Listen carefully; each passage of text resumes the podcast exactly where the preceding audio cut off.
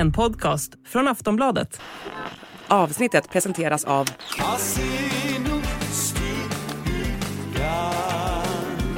Stödlinjen.se, åldersgräns 18 år. Prinsessan Märta Louise Westman, shamanen Derek Verrett är i blåsväder igen. Han påstår att han kan driva ut så kallade små väsen ur barns kroppar och han använder en metod som har fått många att gå i taket. Vi tar även upp det faktum att prins Harry tvingas betala en halv miljon till tidningen han hatar allra mest, Mail on Sunday. Och vi berättar allt om den rättsliga processen som inte verkar gå Harrys väg. Och så tar vi upp att en prinsessa var så svårt mobbad att hon tvingades byta skola mitt i terminen. Det här är Kungligt. Jag heter Sara Eriksson. Och jag heter Jenny Alexandersson.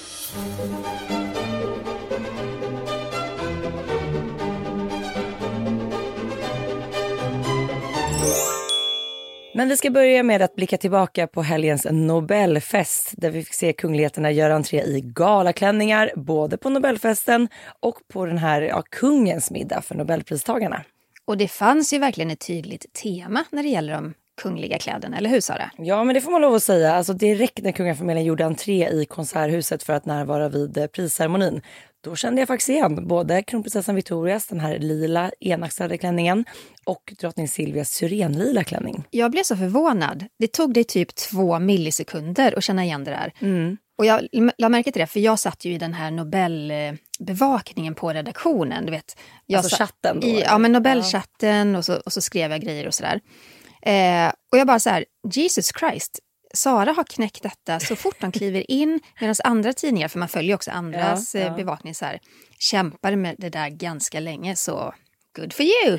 Ja, men jag, tack, och jag tänkte själv, jag bara, vad, vad är det jag har i liksom bildgalleriet i hjärnan? När det jag spottar liksom allra först är så här, hmm, lila klänning, när har jag sett den här? Började Ja. tänka tillbaka. Det kanske säger någonting om vad jag lagrar i mitt minne och inte, men i det här fallet var det väldigt bra. Du är lite arbetsskadad Sara. Jag tror det. Nej, men kronprinsessan bar ju den här lila klänningen första gången på en galamiddag 2022 och den hölls på Kungliga slottet i samband med att nederländska kungaparet genomförde ett statsbesök i Sverige. Och det är svensk design bakom denna. Det är Camilla Thulin som har designat den. Och drottning Silvia valde också att återanvända en klänning och den bar hon första gången, ni vet när danska drottning Margrethe firade sitt tronjubileum 2022. Då hölls ju bland annat en stor som, ska man säga, gala, Eh, galakonsert på Kungliga Teatern i Köpenhamn. Och drottningens klänning är som så många andra gånger när drottningen får välja skapad av den tyska designduon Georgette Arend. Och eh, sen går vi till prinsessan Sofia, Jenny, och det var lite ett annorlunda färgval för att vara Nobel. Ja, det var det. Hon bar en svart klänning. Man ser sällan svart på kungligheter. På de övriga, förlåt, övriga gästerna så ja, jättemycket svart, ofta. Men inte på prinsessorna och drottningen. Men hon gjorde någonting väldigt speciellt med den klänningen. För hon blingade till det med valet av smycken istället. Och du kan ju namnet här då på klänningen. Ja, den är designad av finska Andiata och eh, det som helsvart som sagt, ganska ovanligt. Men prinsessan bar ju två stycken väldigt maffiga halsband och armband. Så att först trodde jag nästan att de här armbanden var en del av klänningens design för de satt liksom på på ärmen, eller på ärmarna. Mm. Och de är då från Swarovski. Får jag bara säga där att det är väldigt coolt med de här armbanden, för det var ju väldigt inne på början av 2000-talet. Jag vet att jag köpte så här jättebreda armband som man satte på blusens ärm, som att det skulle se ut som att det var nästan fastsytt. Ja. Och det kommer ju tillbaka nu då. Jo, men jag tycker man ser mycket av det och lika sådant med så här halsband som man sätter liksom i, i vad ska man säga? I ringningen. I ringningen på Ja. tröjor och sånt där så att det också ser ut som att det nästan är en del av kragens ursprungsform. Och jag lade märke till att Els eh, modechef, eller hon är väl chef över hela L nu, Sia Jansson. Yes. Hon hade också såna här, eh, vad kallar man det då liksom, armbands... Ja, Avslut precis. Ja, jag tänkte, ja, hon hade och, och även i halsen. Så Ja. det var lite likt liksom, prinsessan Sofias modeval där, så som hon Snyggt. var det.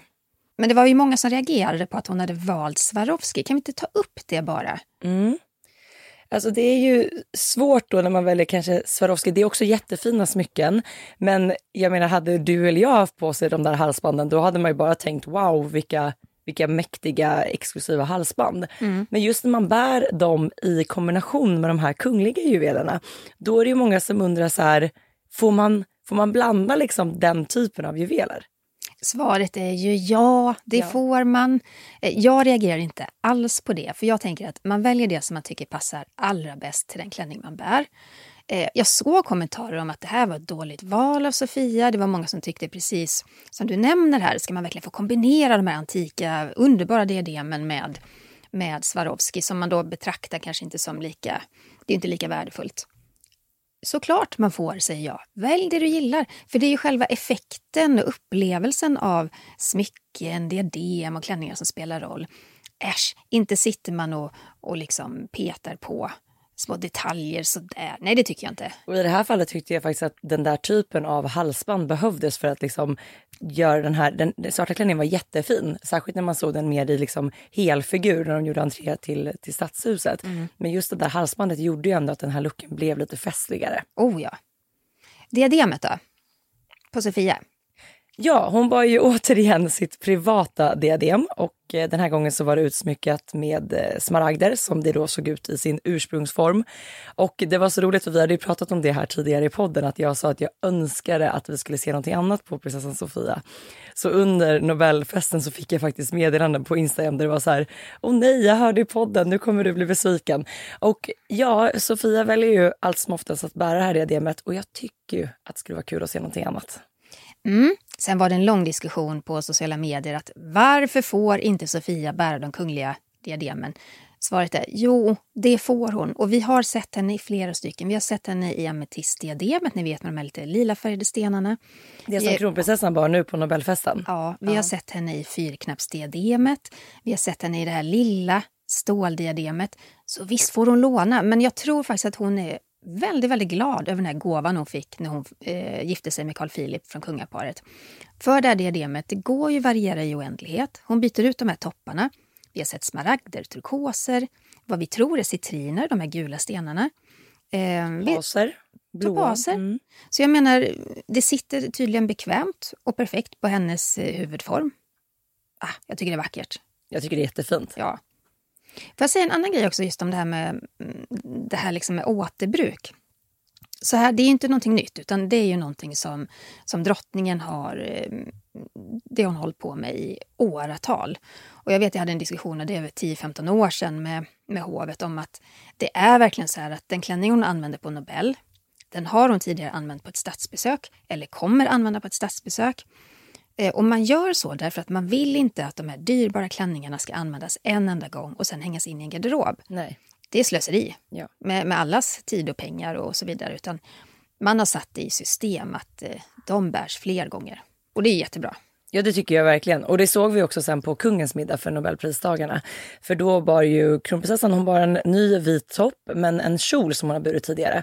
Och den var en så här ganska så vid kjol med vita och svarta blomsterapplikationer.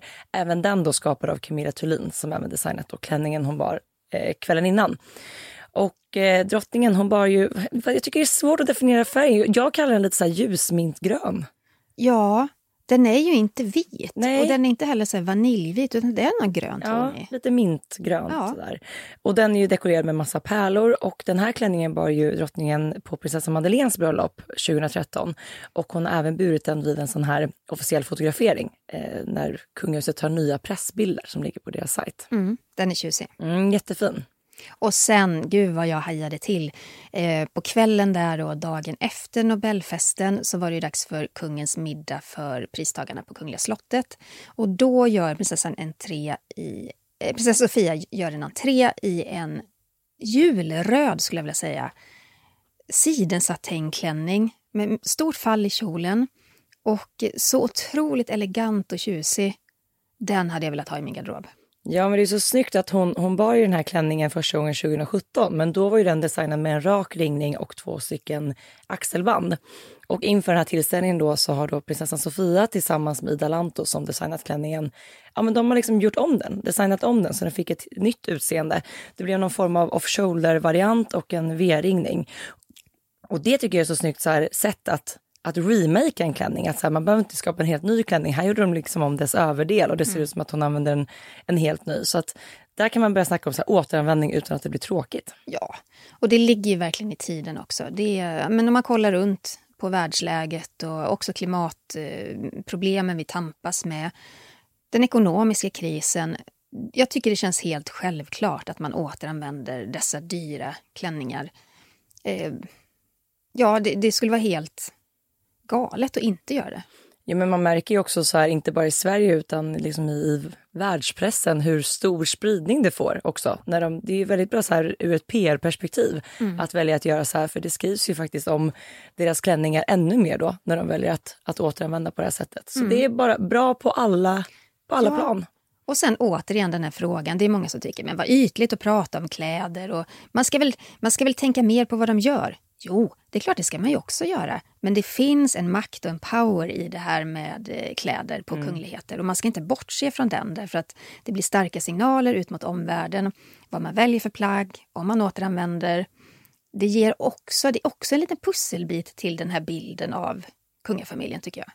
Ja, jag håller med. Och sen, jag själv är ju väldigt intresserad av de här modedelarna och, och det är ju väldigt många andra med mig som är det. Så att det finns också ett väldigt stort intresse och därför så blir det såklart en, en sån här kväll särskilt mycket fokus på klänningar och diadem.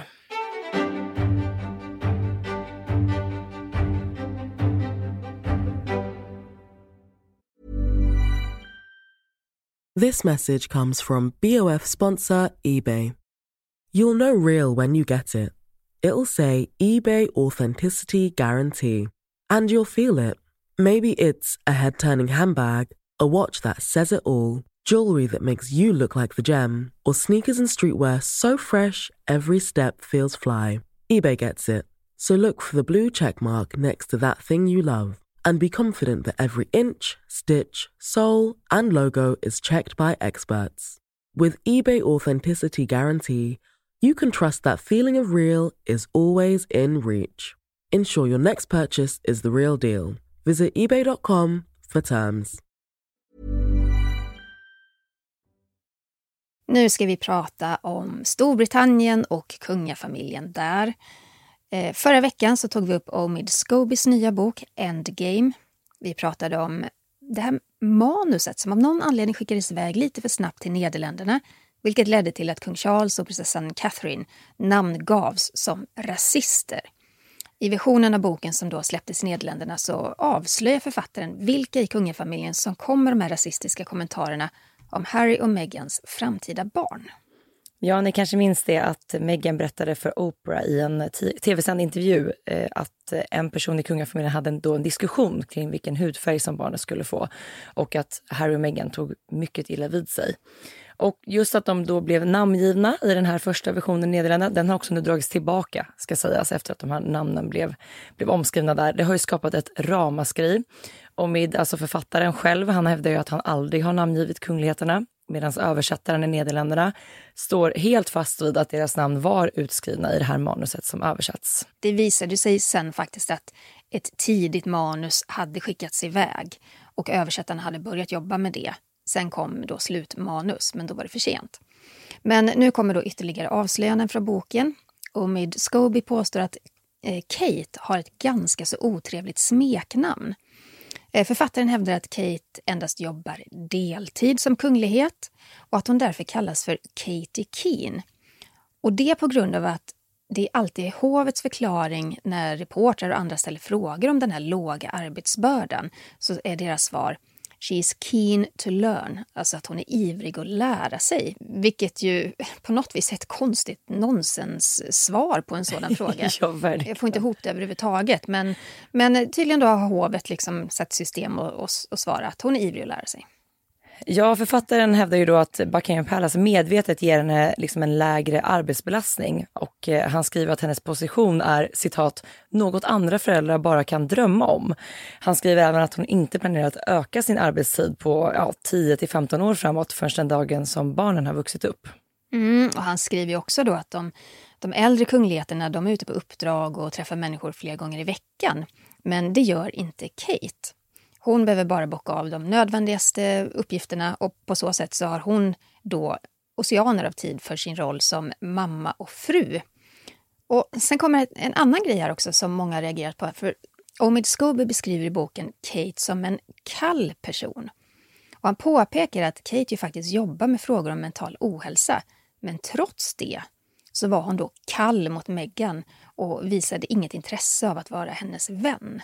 Men här kan ju också bli så här, ja såklart är ju, jag menar Kate och Megans relation har ju skrivits om i media nu i flera, flera år. Det verkar aldrig ta slut på skriverier om den. Men bara för att en person jobbar eller belyser frågor om mental ohälsa, betyder det att man måste vara vän med allt och alla då? Nej, jag tror att Omid Scobie får det till att Kate fryste ut mm. Meghan. Och att det går i stick i stäv med hennes eh, engagemang i den där frågan om mental ohälsa. Men man får ju också lite grann ta vad Omid skriver med en nypa salt för att han är känd för att vara en kontroversiell författare. Och kungliga experter i Storbritannien de protesterar emot hans påståenden. Och historikern Dr. Tessa Dunlop hon säger så här till Mirror. Inget av detta skulle spela någon roll om det inte vore för det faktum att journalisten har haft obekvämt nära kontakt med Meghan och Harry tidigare. Ett vittnesmål i Högsta domstolen bekräftar att Meghan hade kontakt med Omid när han skrev sin första bok Finding Freedom." Slutcitat. Ja, vad tänker vi om detta? Nej, men jag tänker spontant att Ja, jag följde bevakningen av den här rättegången. Eh, det var Harry som hade stämt eh, Associated, Associated Newspaper. Yes. Och eh, då fick ju Harry vittna i rätten och Meghan hade något skriftligt vittnesmål också. Och då stod det ju helt klart att de hade haft kontakt med Omid Scobie, mycket via sin pressekreterare. Det kunde man se via sms som hade skickats och mejl och så vidare. Och jag tänker att Ja, det är väl ganska självklart att även bok två innehåller eh, uppgifter som kommer direkt ifrån Harry och Meghan. Mm. Varför skulle det vara på ett annat sätt den här gången? Jag tänker dock att Harry och Meghan kanske borde bli lite mer, eller borde ha blivit lite mer försiktiga med just det. Eh, I och med att de själva varit ute och vevat ganska hårt mot media och inte minst när de, när de har stämt media. Att det kanske skulle på något sätt ha avskräckt dem från att vara delaktiga i den här typen av av skriverier som då författaren som påstår att han inte haft kontakt med dem, men man vet någonstans att de ändå har haft det. Jo, men nu är det så här tänker jag att eh, nu är det en etablerad kontakt och den behöver inte längre ske direkt via pressekreteraren. Nu kan det finnas andra personer som förmedlar den kontakten på ett sätt som gör att det aldrig behöver komma fram. Därför har det redan liksom skapats en vänskap och en kontakt där så har jag svårt att se alla de här avslöjandena och detaljerna i bok nummer två, var de annars skulle komma ifrån. Mm. Men apropå kungligheter och arbetsbördor i Storbritannien, nu är det snart dags att runda av 2023 och brittisk press de sammanställer ju varje år siffror som då visar vilken kunglighet som arbetat hårdast och minst. Och där kan man ju se faktiskt att eh, Kate ligger inte särskilt högt på listan. Henne kan man hitta på plats åtta. Och vi kan ju lägga till att när den här analysen har gjorts, då har man utgått ifrån det, den kungliga kalendern, alltså det som faktiskt står på den officiella hemsidan. Det finns mycket annat jobb som görs utanför den kalendern. Men om man utgår från det, då toppar prinsessan Anne listan i år igen. Hon har varit den mest arbetsamma kungligheten med 457 åtaganden det är faktiskt mer än ett per dag. Ja, det är, det är ett högt tempo får man lov att säga. Och där kan man, vad kan ingå i ett kungligt uppdrag? Jag tänker dels, eh, ja, var ska man börja? Olika engagemang som de håller på, alltså så här beskyddarskap, de har träffat de organisationerna. Det kan vara en invigning, det kan vara att närvara vid ett specifikt eh, evenemang. Här ska ju sägas att prinsessan Anne har ju faktiskt i just den rollen fått tagit över väldigt mycket av de uppdragen som, som tidigare genomfördes av drottning Elizabeth. Och innan det var ju hon fortfarande den hårdast liksom, arbetande kungligheten så att hennes lista har nog blivit ganska så rejäl efter drottningens död. Hon har det svettigt inför jul. Vi klagade här innan. Oj, vad mycket man har på sin lista att bocka av innan det är julledigt. Ja. Jag tror prinsessan Anne har en diger lista. Ja.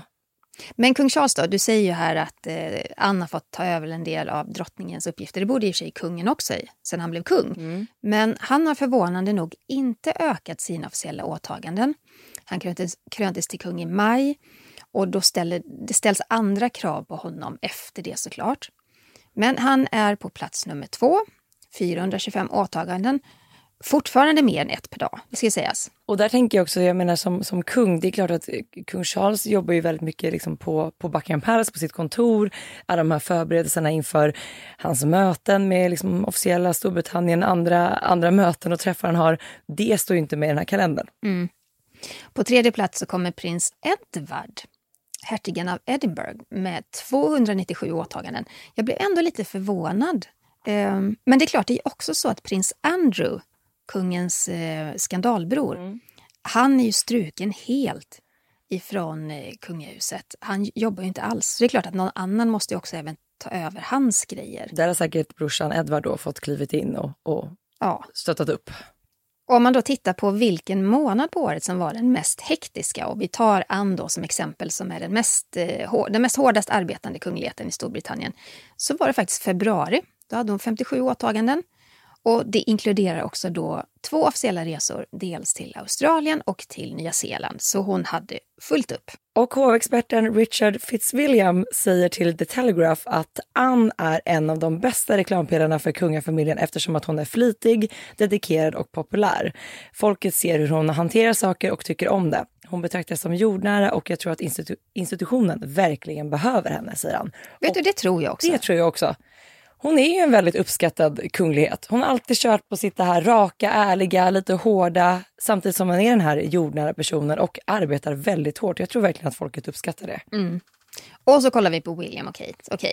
Prins William han genomförde 172 kungliga åtaganden och Kate 128. Och det är det här man klagar på då, att hon, hon gör för lite helt enkelt.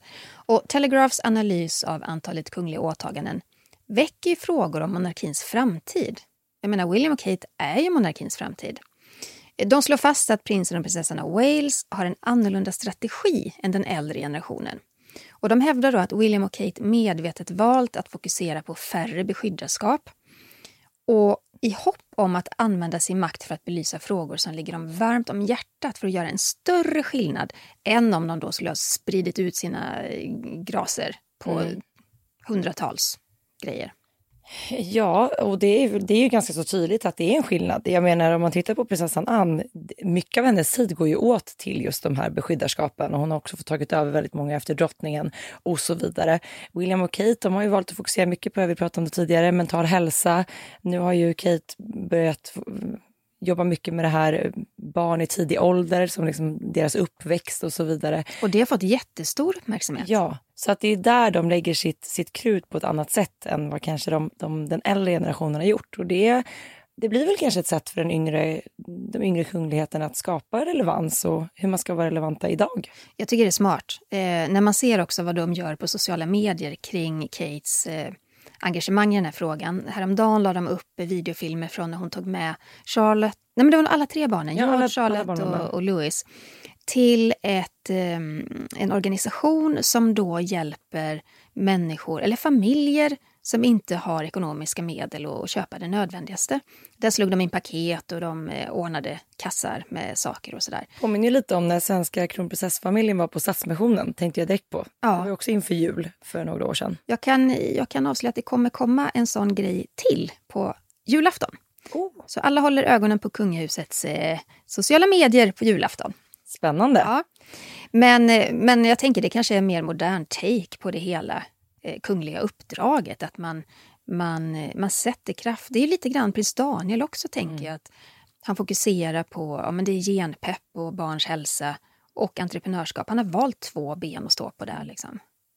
Och jag tänker också det, jag menar här i Sverige till exempel så har ju vår kung pratat väldigt mycket om att han tycker det är viktigt att kronprinsessan till exempel får mer tid med barnen när de växer upp. Om man då jämför med hur, hur han själv hade det. Och jag menar det är ju lite samma sak här för, för kung Charles. Han, hade ju, han har ju själv berättat om det. Så här, drottning Elizabeth var drottning när han var barn så att han hade inte jättemycket tid med sin mamma. Och att, men jag tror också de, de kungligheterna som själva har upplevt det här med att vara barn till en sittande, sittande monark, att de är väldigt måna om att deras barn i sin tur ska få mer tid med, med sin familj än vad de själva fick. Klokt. Okej, men vi fortsätter prata om Kate eh, och barndom. För hon, eh, hon, hon är uppväxt i en familj, en trygg eh, övre medelklassfamilj där, där mamman och pappan startade ett eh, företag som ganska snabbt tjänade väldigt mycket pengar. De sålde så partygrejer. Alltså typ så all typ av, som, det som vi idag är så bortskämda med att ha liksom hela internet till, men de Ja. hade liksom en butik med allt man behöver inför en fest. Ballonger. ballonger, papptallrikar, serpentiner, alltså allt Ja. sånt. Liksom. Och de var ju på nätet sen också. Mm. Eh, Hur som helst, hon, hon hade en fin uppväxt på alla sätt och vis. En trygg sån. Men ehm, hon hade det också rätt tufft av och till. I veckan så har ju The Crowns allra sista säsong premiär. Och då är det fokus faktiskt på prins William och Kate. Och det har såklart väckt intresse för Kates yngre år och hennes tid i skolan som skildras då i den här sista säsongen. Sara, du var ju faktiskt, det måste vi faktiskt berätta, du var i Oslo på säsongspremiären. Ja men det var jag. Den här sista säsongen har ju släppts som i två delar och då är det ju då premiär för den här sista delen eh, torsdagen den 14 december. Och då fick jag flyga iväg till Oslo för att närvara vid den här premiären då av den sista säsongen. Vi fick se det allra sista avsnittet av The Crown. Och, men hade du sett då alla? Nej, Alltså jag har ju sett de avsnitten som redan har släppts med Diana och sen har det nu blivit pausat en månad. Ja. Sen kommer ytterligare avsnitt och då fick vi se det allra, allra sista avsnittet. Åh, känns inte det konstigt? Nu måste du titta om, eller inte titta om, men du måste ju se då de avsnitten som kommer före. Ja, mm. men det som var fint tycker jag var att se hur man, jag menar den här serien har ju hängt i nu många år och man har liksom fått följa en så lång tid i historien. Så det var väldigt fint att få se hur man, hur man rundar av den och ni som inte har sett det, ni har någonting att se fram emot. Jag tror ingen har sett det. Nej, det är du som har sett Nej, men jag menar att ja. alltså, i och med att de inte har sett det så att ja. nu har ni någonting att se fram emot när ni kan göra det. För det är väldigt bra. Ja. Men det var kul. Jag fick träffa skådespelarna också. Det mm. var roligt att få en pratstund med dem. Det var häftigt att få vara på plats. Ja. Om vi går tillbaka då till Kate, de här unga åren och det som speglas i, i serien. Eh, så har man faktiskt nu kunnat läsa då att eh, från The Mirror till exempel, att Kate var mobbad i skolan och ganska så ordentligt mobbad. Hon gick på Downhouse i Cold Ash i Berkshire men lämnade skolan mitt under terminen på grund av att hon inte trivdes, hon stod inte ut. Och Downhouse det är då eh, det är en internat men även dagskola för flickor i åldern 11 till 18.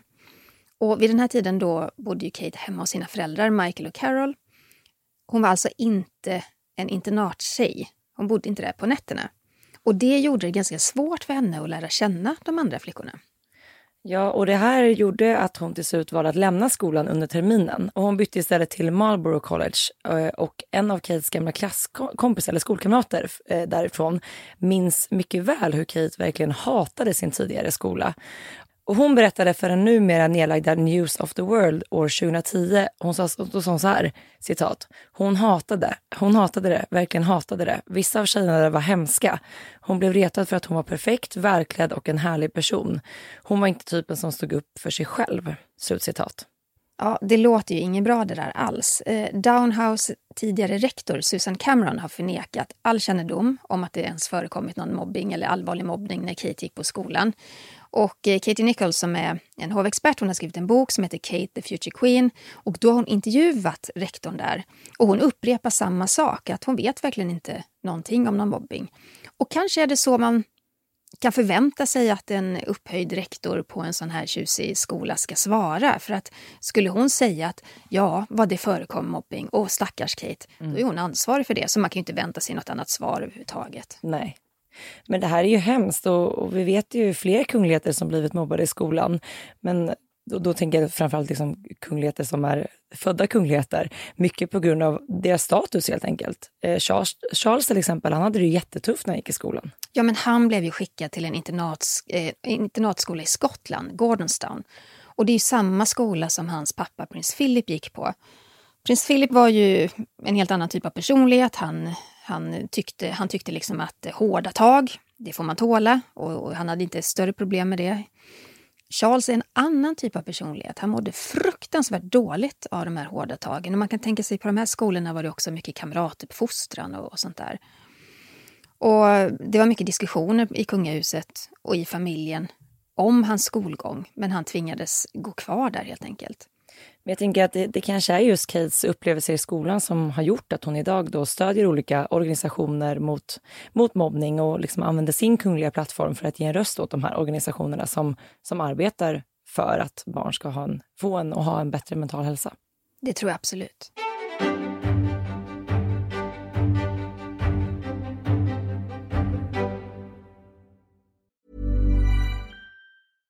This message comes from BOF sponsor eBay. You'll know real when you get it. It'll say eBay Authenticity Guarantee. And you'll feel it. Maybe it's a head turning handbag, a watch that says it all Jewelry that makes you look like the gem, or sneakers and streetwear so fresh every step feels fly. eBay gets it. So look for the blue check mark next to that thing you love and be confident that every inch, stitch, sole, and logo is checked by experts. With eBay Authenticity Guarantee, you can trust that feeling of real is always in reach. Ensure your next purchase is the real deal. Visit eBay.com for terms. Nu har vi kommit fram till veckans Harry och Meghan.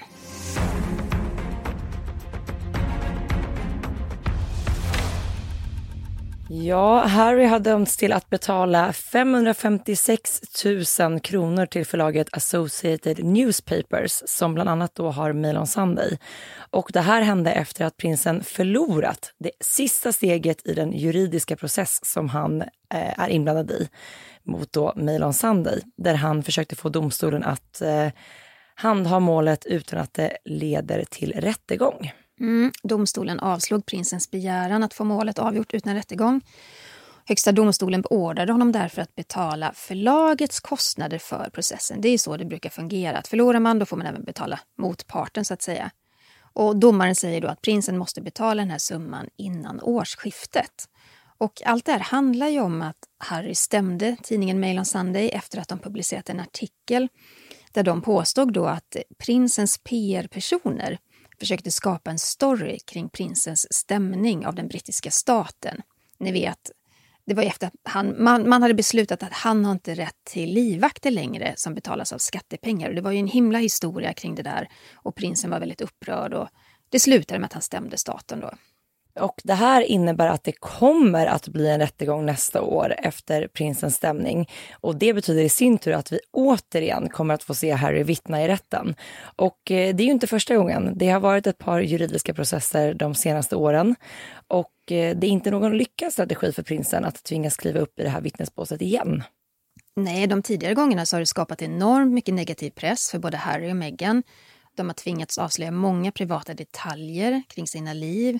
Man har kunnat läsa sms och mejl som inte alls var ämnade för omvärldens ögon. Men helt plötsligt blir det här privata eh, att, går att skåda liksom för hela omvärlden när han väljer att, att göra så här. Mm. Och Harry och Meghan har det inte lätt. Det, det, det känns som att deras försök att vända negativ press, det, det lyckas liksom aldrig. Och Meghan har ju ändå hyrt på en av världens bästa kris-PR-personer. Vi får se vad som händer, men, men än så länge nej. Eh, och nu publicerade The Hollywood Reporter sin lista av årets vinnare och förlorare. Och eh, The Hollywood Reporter, ja det är inte någon skvallerblaska utan det har ändå lite tyngd. Bland de elva förlorarna så står då Harry och Meghan med.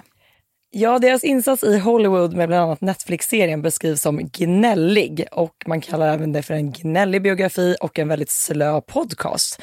Och eh, de som däremot har gått lite mer vinnande ur den här listan det är bland annat bland andra Taylor Swift, Margot Robbie och eh, sen fanns det fler förlorare på listan. Ja, de nämnde bland annat de här Marvel-filmerna och Elon Musk med flera. Mm.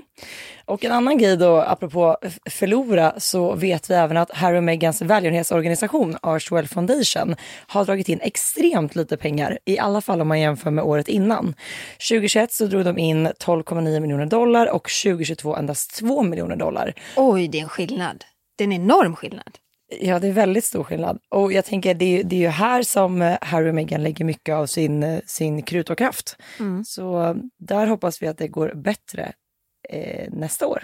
Kan det vara så att 2021 det var året det bildades? Att eh, det är liksom nyhetens behag och folk dras till det där men kanske inte skänker lika mycket sen? Ja, jag tycker också att man såg mer av, av det. Jag menar, de startade till och med en, en podcast som hette Archwell, vad hette den? Ja, det var någonting sånt. Någonting, alltså ja. man hade det namnet i själva titeln. Ja. Och att man faktiskt idag tycker man ser Harry och Meghan mer i sammanhanget eh, Invictus Games snarare än Archwell. Så jag vet inte riktigt om de kanske har skiftat fokus där. Mm. Vi följer detta såklart.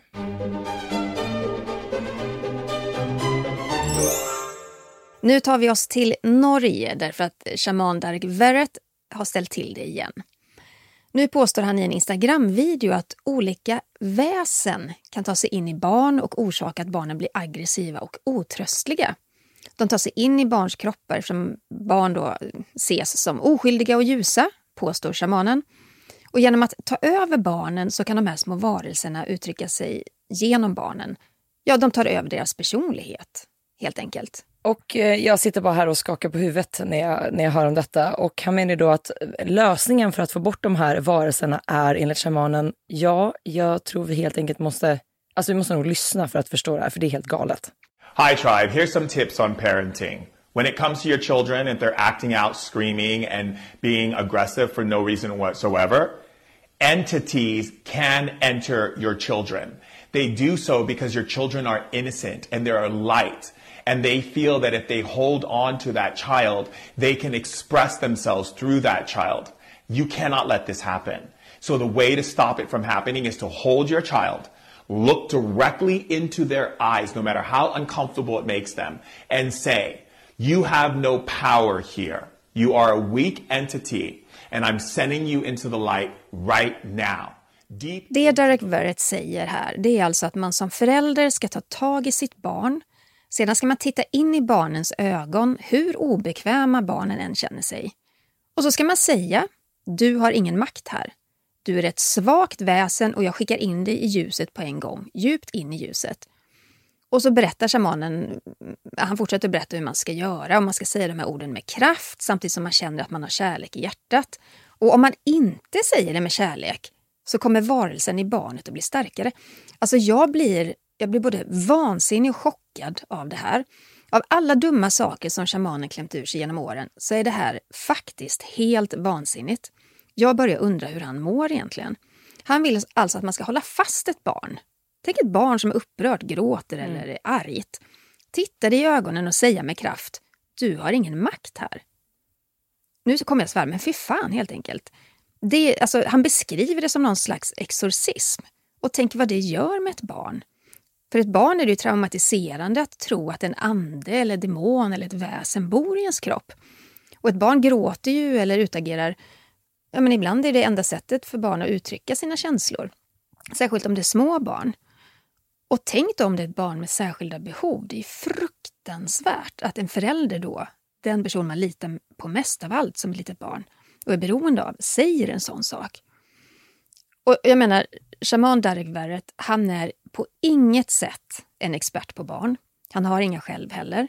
Men han agerar och säger saker som faktiskt kan få människor att tro det. Och det är jättefarligt. Men jag blir också förvånad att han, att han återigen är ute och vevar när det kommer till det här med barn. För jag menar, vi, vi minns ju, vi har pratat mycket om det här, när han släppte en bok som faktiskt eh, inte fick säljas i varken Sverige eller Norge, mm. tror jag det var. Ja. Eh, där han då påstod att barn som olyckliga drabbas av cancer, att det beror på att de är olyckliga och ingenting mm. annat. Jag menar, det fick, väckte ju enormt stark kritik och det är klart att även det här nu då, som han nu senast har gjort, det har också fått enormt mycket reaktioner och kommentarer. En följare säger att barn får utbrott för att de ibland har svårt att hantera starka känslor. Du säger alltså att dina följare ska tala till barnen som om de har en demon i sig. Det kan förstöra hela deras mentala hälsa. Slutcitat. Men det sjuka är att då svarar shamanen då med nonchalant det är din åsikt. Min sida eh, sockrar inte kanterna på det som händer där ute. Jag har hjälpt många barn med beteendeproblem genom att släppa lös andar som påverkar dem. Jag tycker också en annan kommentar som är lite otäck här, det är att en annan följare skriver så här. Min sex månaders baby grymtade som en demon och jag blev skrämd av det. Jag tvingade bort demonen från honom och han har aldrig låtit så där igen. Då svarar shamanen på den kommentaren. Boom! Nej men jag blir, jag blir bara förbannad. Det är alltså en, han är galen. Han är galen. Det är en kvinna med en bebis på sex månader. De flesta föräldrar vet att den här första tiden med ett spädbarn så låter bebisar på ett speciellt sätt. Det sa ju barnmorskan nästan det första till mig eh, på BB också. Att det kan grymtas, det kan gnällas och det puffas och det andas. Och det är också för att barn som är så små, de har ju inte riktigt, de är inte helt utvecklade ännu. Det är helt normalt. Men då när den här kvinnan säger att hon har drivit ut en demon ur bebisen så hyllar han henne. Alltså jag saknar ord. En annan följare frågar hur man ska skydda barn från demoner och shamanen säger att man ska ge dem amuletter och visa barnet hur den ska rengöra sin energi. Vilken tur då, tänker jag, att shamanen tipsar om just det här med amuletter eftersom att han själv säljer det på sin hemsida. Vilken slump. Mm. Nej men vad ska man säga? En annan följare skriver skämtsamt då att ja, men sluta ge barn så mycket socker så blir det bättre. Och då svarar shamanen att barn är beroende av socker på grund av vättar. Alltså det är många som skriver då också i det här kommentarsfältet att han är både farlig och galen. Och kanske, jag menar föräldrar som, som har en viss osäkerhet, som kanske lider av mental ohälsa eller på annat sätt söker sig, eller är sökare, eh, har fastnat för shamanen och verkligen följer honom, tror på det han säger. Att det kan finnas små väsen i deras barn. Nej, det här har ju såklart skapat ramaskri igen och eh, nästa år så väntar ju faktiskt ett man kan kanske inte säga kungligt bröllop för nu är inte Märta Louise längre en del av kungahuset. Men Märta Louise och shamanen ska ju gifta sig nästa mm. sommar. Och eh, jag menar shamanen har ju blivit väldigt ifrågasatt, inte minst i Norge, just för hans de här uttalanden. Och nu tryckte han på stora knappen igen och skapade enorma rubriker. Tror du att han gör det medvetet? Att det här är ett sätt att få uppmärksamhet? Alltså helt personlig åsikt från mitt håll så verkar ju, alltså shamanen verkar ju gilla att liksom vad ska man säga, provocera media. För han älskar sen att tillbaka kunna säga att han hatar media. Mm. Att han hatar hur journalister skriver om honom och, och liksom kasta pajen tillbaka. Så att det känns ibland som att han bara vill trigga igång någonting. Och det gjorde han ju väldigt bra den här gången. Men då skapar han ju drama. Det är ju lite, alltså människor som, som vill skapa drama och som vill eh, hamna i de här konflikterna hela tiden. Det är ju inte sunt alltså. Nej. Vi kommer såklart fortsätta att följa detta. Hörrni, ni får jättegärna fortsätta att skicka in lyssnarfrågor till oss. Vi håller just nu på att samla ihop till några fråge, specialfrågeavsnitt här framåt. Så mejla gärna till kungligt Och vill ni följa oss på sociala medier så, så följer ni eh, Sara på man följer med på Instagram på royalistan.se och jag har verkligen tryckt på knappen nu när det kommer till TikTok. Så in där och följ mig på royalistan. Var hittar man dig? Eh, mest på Instagram, kungligt med Jenny. Jag har TikTok också. I'm trying, I'm trying. Du kallar ju dig själv för boomer på TikTok, Jenny. Ja, jag, är ju det. Nej, det är inte. Du är jätteduktig. ja, men, uh, ja men, men ni kan kolla in det. Det blir roligt. Tack snälla för att ni lyssnat på veckans avsnitt av Kungligt. Vi hörs igen nästa vecka. Hej då! Hej då!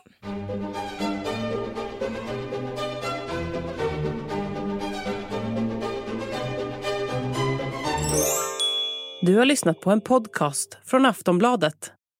Ansvarig utgivare är Lena K Sam. This message comes from BOF sponsor Ebay. You'll know real when you get it. It'll say eBay Authenticity Guarantee. And you'll feel it. Maybe it's a head turning handbag, a watch that says it all, jewelry that makes you look like the gem, or sneakers and streetwear so fresh every step feels fly. eBay gets it. So look for the blue check mark next to that thing you love and be confident that every inch, stitch, sole, and logo is checked by experts. With eBay Authenticity Guarantee, you can trust that feeling of real is always in reach. Ensure your next purchase is the real deal. Visit eBay.com for terms. Sån.